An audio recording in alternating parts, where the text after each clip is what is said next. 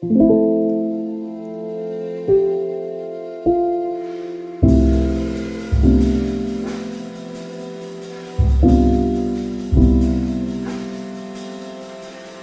det att prata om allt? Är det till och med nödvändigt? Det här är en podcast som utforskar påståendet att hälsosamma relationer börjar med att våga säga som det är. Följ med in i en sårbart stark värld av både tårar och skratt. Varmt välkommen till Pingst Relationer.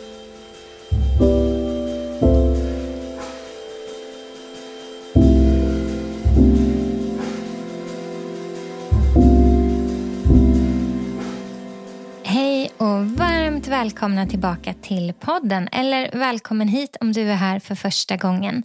Mitt namn är Kristin Wiklund och jag arbetar som verksamhetsansvarig för Pingst Omsorg som är Pingstsamfundets verksamhet som syftar till att stötta våra fria församlingar i deras eget arbete med omsorgsfrågor. I den här podcasten så pratar vi om hälsosamma och sunda relationer med Gud, med oss själva och med varandra. Och idag vill jag säga någonting om församlingen. Jag skulle vilja ta oss med på en liten resa kring församlingen. Ni vet att i Pingstomsorg så finns det två stycken stora rubrikområden som jag jobbar med. Och det ena handlar om församlingshälsa och det andra, andra handlar om social mission. Och församlingshälsan är så vansinnigt viktig. Jag tänker ibland på den extremt höga ambition som Guds församling har. När vi läser Bibeln, de anspråk som Bibeln gör på församlingen, vad hon ska vara och vad hon är kallad till och vad, vad, som ska hända där, så tänker jag att Guds församling är kallad att vara en extremt trygg plats. En plats där vi alla kan komma och veta att här finns det kärlek, här finns det tröst, här finns det hopp, här finns det frid, här finns det uppmuntran, här finns det upprättelse, här finns det läkande, här finns det relationer som är genuina, här får vi alla alla bidra och vara en del av en gemenskap som på riktigt bär. En gemenskap som bär varandras bördor. En gemenskap där omsorg är kännetecknet, där kärlek är kännetecknet och där det som faktiskt är Jesu egen bön för oss. Ni vet, innan Jesus går till korset, innan han är på väg dit och så har han haft den här stunden med lärjungarna. Den här långa, långa stunden som Johannes evangelium beskriver så fantastiskt. Han sitter där och de firar nattvardsmåltiden och han berättar för dem vad som ska hända och han berättar om, om den helige ande som ska komma och han berättar om vägen till Fadern och han tvättar deras fötter som ett exempel på vad ledarskap är och som ett exempel på vad utgivande kärlek är. Och han berättar att han ger dem det nya budet att liksom, han har älskat dem så ska de älska varandra. Och han, han liksom tar med dem på en resa av vad som är på väg och vad de ska stå i medan de väntar på att hjälparen ska komma. Och Det är helt otroligt. Och Sen så tar han sig ut till någon plats där han ber. Det finns ett förbönstal precis innan precis innan trädgården, precis innan han blir arresterad, precis innan korset, så tar Jesus tid i Johannes 17 och vers 20 och ber för lärjungarna. Han ber för alla dem som han, han på något sätt summerar sin gärning här på jorden och, och ber för alla dem som han har gått tillsammans med, sina vänner, apostlarna, lärjungarna, de som han har räknat som sina. Och han, han ber en fantastiskt vacker bön för dem. Och sen säger han från vers 20 och framåt att men inte bara för dem ber jag utan också för alla dem som genom deras ord ska komma till tro. Och då ber Jesus alltså för dig och mig, för våra församlingar, för våra gemenskaper, hur de än ser ut, så ber han någonting oerhört om enhet och om kärlek, om att Guds härlighet ska vara synlig i den gemenskapen. Då ska världen tro. Han säger någonting om att när det som är Guds härlighet på riktigt kännetecknar den i gemenskapen i enhet, då blir det ett tecken på den kringliggande världen, samhället runt omkring och människorna runt omkring att det finns riktig utgivande kärlek. Och då tänker jag när Jesus ber att den härlighet som han har fått från Fadern, att den ska synas i vår gemenskap. Då tänker jag inte att det är härlighet som i liksom, den här sköna känslan i, i lovsången eller när vi ber primärt, även om det är fantastiskt att det också får känneteckna våra gemenskaper. Men då tänker jag på när Mose ber att få se Guds härlighet. Han ber att han ska visa den för honom. Och då göms han där i klippan för att vara skyddad från det heliga och oerhörda som ska hända. Och sen är det Guds karaktärsdrag, Guds personlighet som passerar förbi Mose när han ligger där i klyftan. När han ligger där gömd så är det Guds godhet, det är Guds nåd och det är Guds barmhärtighet som passerar förbi honom. Så när Jesus ber för sin församling om att Guds härlighet ska vara synlig mitt ibland den, då tänker jag att det kanske är Guds godhet, Guds nåd och Guds barmhärtighet som han längtar efter att vår gemenskap ska kännetecknas av. Och Kanske är det därför, när Jesus ger församlingen ett uppdrag som är så mäktigt och så stort att vad han säger, att inte ens helvetets portar ska kunna stå emot den. Han ska bygga sin kyrka, han kallar sin församling, han rustar den, han beskyddar den, han överger den aldrig och han ger henne ett uppdrag att vara ett ljus i mörkret, en stad på berget, en trygg hamn för människor. Han kallar församlingen framför allt till att dela evangeliet med människor. Ett evangelium som ger frihet till de fångna och upprättelse för den brutna. Ett evangelium som helar de sjuka och befriar den som är bunden. Men tänk om de här bitarna, det här med församlingens uppdrag, inte bara är evangelisternas favoritaspekter i missionens arbete på stan, utan det är mer revolutionerande än så. Tänk om det här faktiskt rör vår gemenskap, våra relationer, våra connectgrupper, församlingens kärna, alltså människorna som är i den. Tänk om evangeliet, uppdraget att dela evangeliet också har att göra med att godhet, nåd och barmhärtighet är det som ska genomsyra vår församlingsgemenskap. Att det är det som ska känneteckna oss. Så att när Jesus säger att liksom, jag har älskat er så ska ni älska varandra och att det här är kännetecknet på att ni är mina lärjungar att kärleken, gemenskapen som på riktigt strålar av Guds kärlek är det som sätter exemplet för samhället runt omkring att det finns perfekt kärlek. Det finns förlåtelse, det finns utgivande, osjälvisk kärlek. Församlingens kallelse är oerhört hög och därför måste hennes tillit till Gud vara desto högre. Omsorg ska vara det som genomsyrar vår församlingar. Kärlek, godhet, nåd och barmhärtighet. Det är helt oerhört.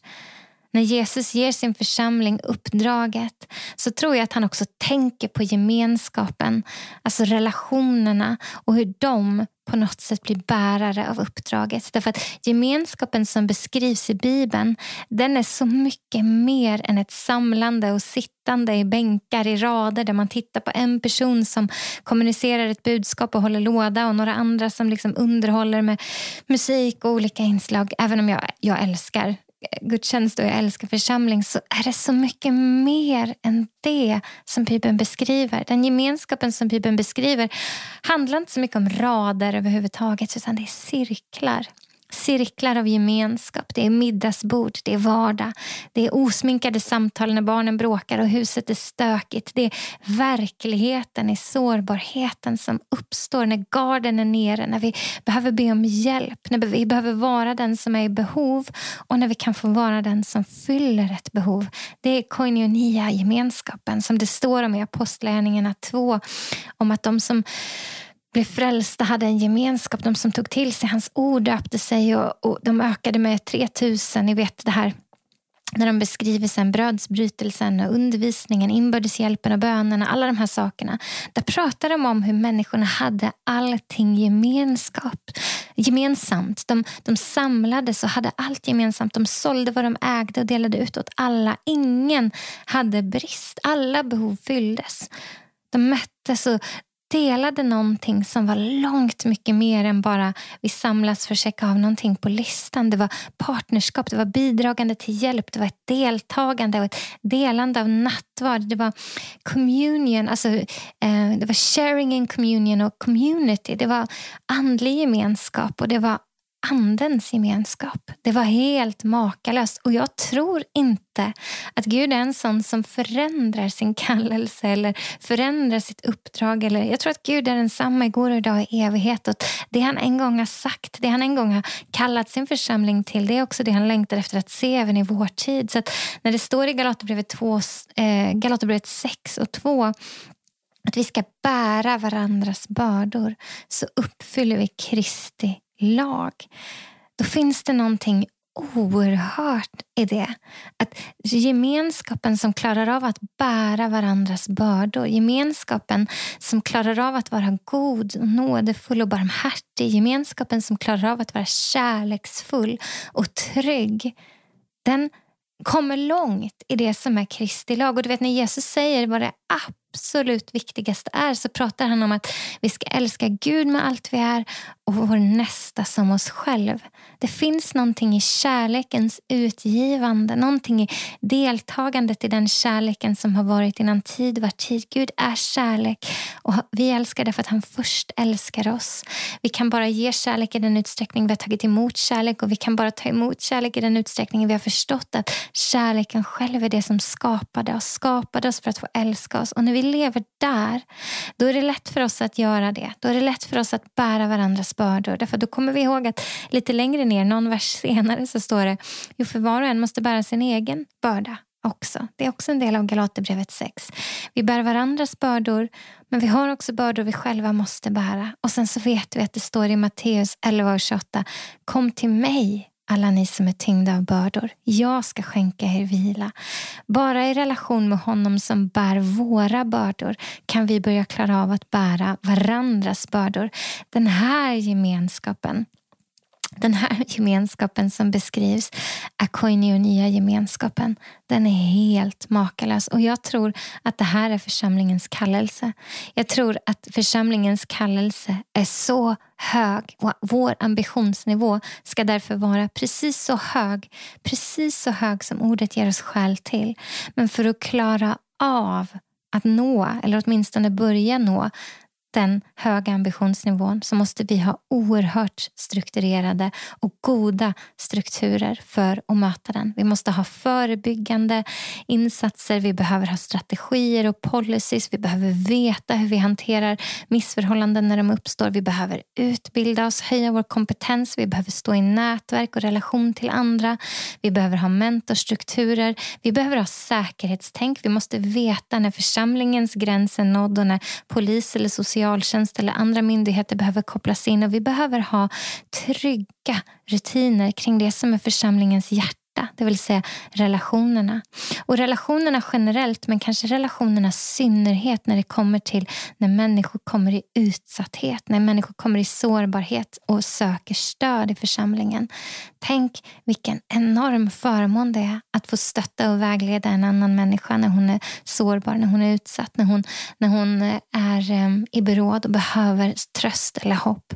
Men tänk då vad viktigt att vi har kompetens och att vi har rutiner och strukturer så att vi klarar av att möta eller i alla fall måtta oss mot den höga ambitionen som vi har.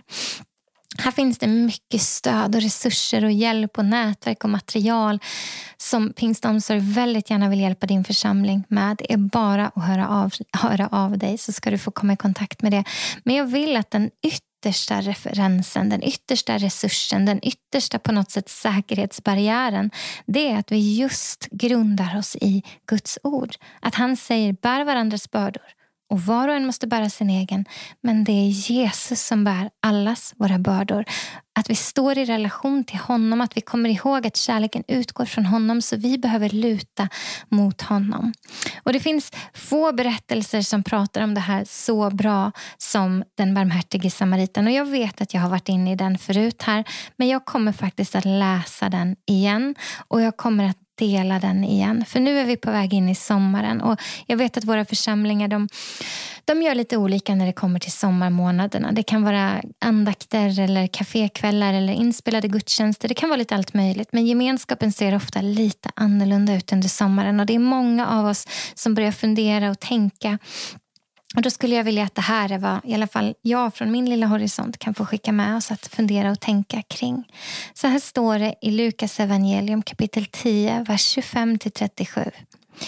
En laglärd som ville sätta honom på prov reste sig och sa Mästare, vad ska jag göra för att vinna evigt liv? Jesus sa, vad står det i lagen? Hur lyder orden? Han svarade, du ska älska Herren din Gud av hela ditt hjärta och med hela din själ och med hela din kraft och med hela ditt förstånd. Och din nästa som dig själv. Jesus sa, det är rätt, gör det så får du leva. För att visa att han var rättfärdig sa mannen till Jesus, och vem är min nästa? På den frågan svarade Jesus. En man var på väg från Jerusalem till Jeriko och blev överfallen av rövare. De slet av honom kläderna och misshandlade honom och sedan försvann de och lät honom ligga där halvdöd. En präst råkade komma samma väg och när han såg mannen vek han åt sidan och gick förbi. På samma sätt med en levit som kom till platsen. När han såg honom vek han åt sidan och gick förbi. Men en samarier som var på resa kom och fick se honom ligga där och han fylldes av medlidande.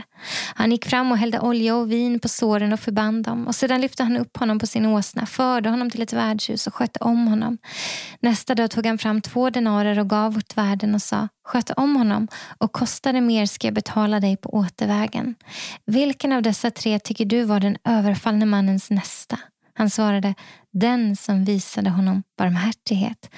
Då sa Jesus, gå du och gör som han. Den här berättelsen är helt oerhörd. Dels för att kärleksbudskapet, det viktigaste budet, Kristi lag, beskrivs som kärlek. Ta emot kärlek, ge kärlek, förstå att du är älskad och älska Gud tillbaka med allt som du är och när du har älskat honom tillbaka med allt som du är, då förstår du hur älskad du är och då tar du emot av den kärleken och då kan du ge den vidare. Men den här berättelsen är oerhörd på så många fler sätt än det. Den här berättelsen handlade om att den som ställde frågan till Jesus skulle få svar på vem är min nästa? Och när Jesus berättar berättelsen så finns det direkt, implicit innan han ens har berättat den, så finns det en kontextmarkering som är satt. Det är om jag pratar om att du ska älska din nästa som dig själv, då betyder det att det du hör i den här berättelsen av utgivande behöver du också kunna se som ett mottagande. Det som du hör i berättelsen av att du ger till någon annan behöver du också kunna se att du själv tar emot. Det som du hör i berättelsen är att på något sätt Jesus pekar på att du har en kallelse att göra som den här barmhärtige samariten. Att göra som han, visa barmhärtighet. Så finns det bara sann barmhärtighet, sann kärlek, sann utgivande kärlek. Ifall att du vet om Ifall att jag vet om, ifall att våra församlingar kännetecknas av en gemenskap som vet om att i ett givet tillfälle är jag den som behöver hjälp. För jag ligger misshandlad på vägen. Sargad längs med eh, vägrenen. Någon, eh, någonting fattas mig. Någonting har blivit hänt mig. Någonting har utsatt mig. Jag behöver hjälp. Jag är behovets barn. Och i nästa sekund är jag den som sträcker mig ut och hjälper en annan. Ömsesidigheten skapar empati. Det finns ingen sann empati i hierarkier. Empati kräver att vi är jämlikar och Jesus sätter fingret på det i det här. Empati kräver att vi är jämlika, det vill säga vem är min nästa? Ja, du ska älska din nästa som dig själv. Det vill säga det finns ett jämviktsförhållande mellan dig och din nästa. Om du är någons nästa så är den din nästa och det betyder att du behöver se dig själv både som mottagaren och givaren av hjälp. Ifall våra församlingar på riktigt kännetecknades av den kärlek som är Jesus egen kärlek, att så som han har älskat oss så ska vi älska varandra. Ifall att våra församlingar på riktigt kännetecknades av godhet, nåd och barmhärtighet, den här typen av barmhärtighet som både kan vara den som sträcker sig ner och hjälper en annan men vet att i nästa givna sekund är det jag som är mottagare av hjälp. Då tror jag på riktigt att det som Jesus ber i Johannes 17 skulle ske. För då säger han, då ska världen tro. Jag tror och jag ber och jag längtar efter att Guds församling alltså fullständigt samfundsoberoende. Men nu jobbar jag för pingst så jag får prata om våra pingstförsamlingar. Men jag tror Guds församling, perspektivet ur ett större perspektiv. Tänk om vi kristna skulle kännetecknas av den utgivande kärleken som är så fullständigt radikalt förlåtande som Jesus och som pekar människor mot honom som förvandlar våra hjärtan och våra liv. Som faktiskt på riktigt är den som ger oss ett nytt hjärta då tror jag att trovärdigheten skulle öka med alla procent som finns i världen. Så hur ser det ut att tvätta varandras fötter idag? Därför att Jesus ger oss exemplet. Han tvättar lärjungarnas fötter i Johannes 13 och han berättar att alla ska förstå att ni är mina lärjungar om ni visar varandra kärlek i samma kapitel. I den här handlingen så visar Jesus på ett rike som är helt upp och nervänt. Han som har all rätt, den enda som faktiskt har rätt till hierarkier. Han som har rätt att vara störst, bäst och vackrast. Han gör sig själv till andras tjänare. Han böjer sig ner, som han alltid gör och markerar att det här med gemenskap är något annat än vad vi trodde att det var. Att hitta sin plats i hierarkierna och att få det var och en förtjänar, nej, det lämpar sig inte i Guds församling. Det är helt oerhört det Jesus gör. Och så säger han att det här faktiskt är förutsättningen för gemenskap till Petrus. När Petrus säger nej, inte ska du tvätta mina fötter. Och så säger han, men Petrus, om jag inte får göra det här, om jag inte får tjäna dig, om jag inte kan få visa dig vad kärlek är så finns det ingen gemenskap. Jag tror att han pratar om människosyn och jämviktsförhållandet där. Petrus, titta hur jag har lett dig. Titta hur jag har visat dig vad kärlek är. Titta hur jag har visat dig vad utgivande ledarskap är. Finns det någon hierarki mellan oss just nu? Nej. Och ändå är jag större än dig. Ja. Gör nu som jag har gjort. Det här ledarskapet som böjer sig ner och markerar godhet, nåd, barmhärtighet, kärlek, utgivande framför allt annat. Det är vad som kommer faktiskt ge oss trovärdighet i ett samhälle som blöder efter genuina relationer, sunda och hela relationer. Jämvikt på något sätt så kommer Jesus och bryter hierarkier. Han säger att alla de här identiteterna som vi har haft, är vi man, är vi kvinna, är vi slav, är vi fri, är vi jud, är vi grek. Det spelar ingen roll. Den enda identiteten som faktiskt har bäring det är att vi är Guds barn som Romarbrevet 8 säger. Vi är ett i Kristus som Jesus säger.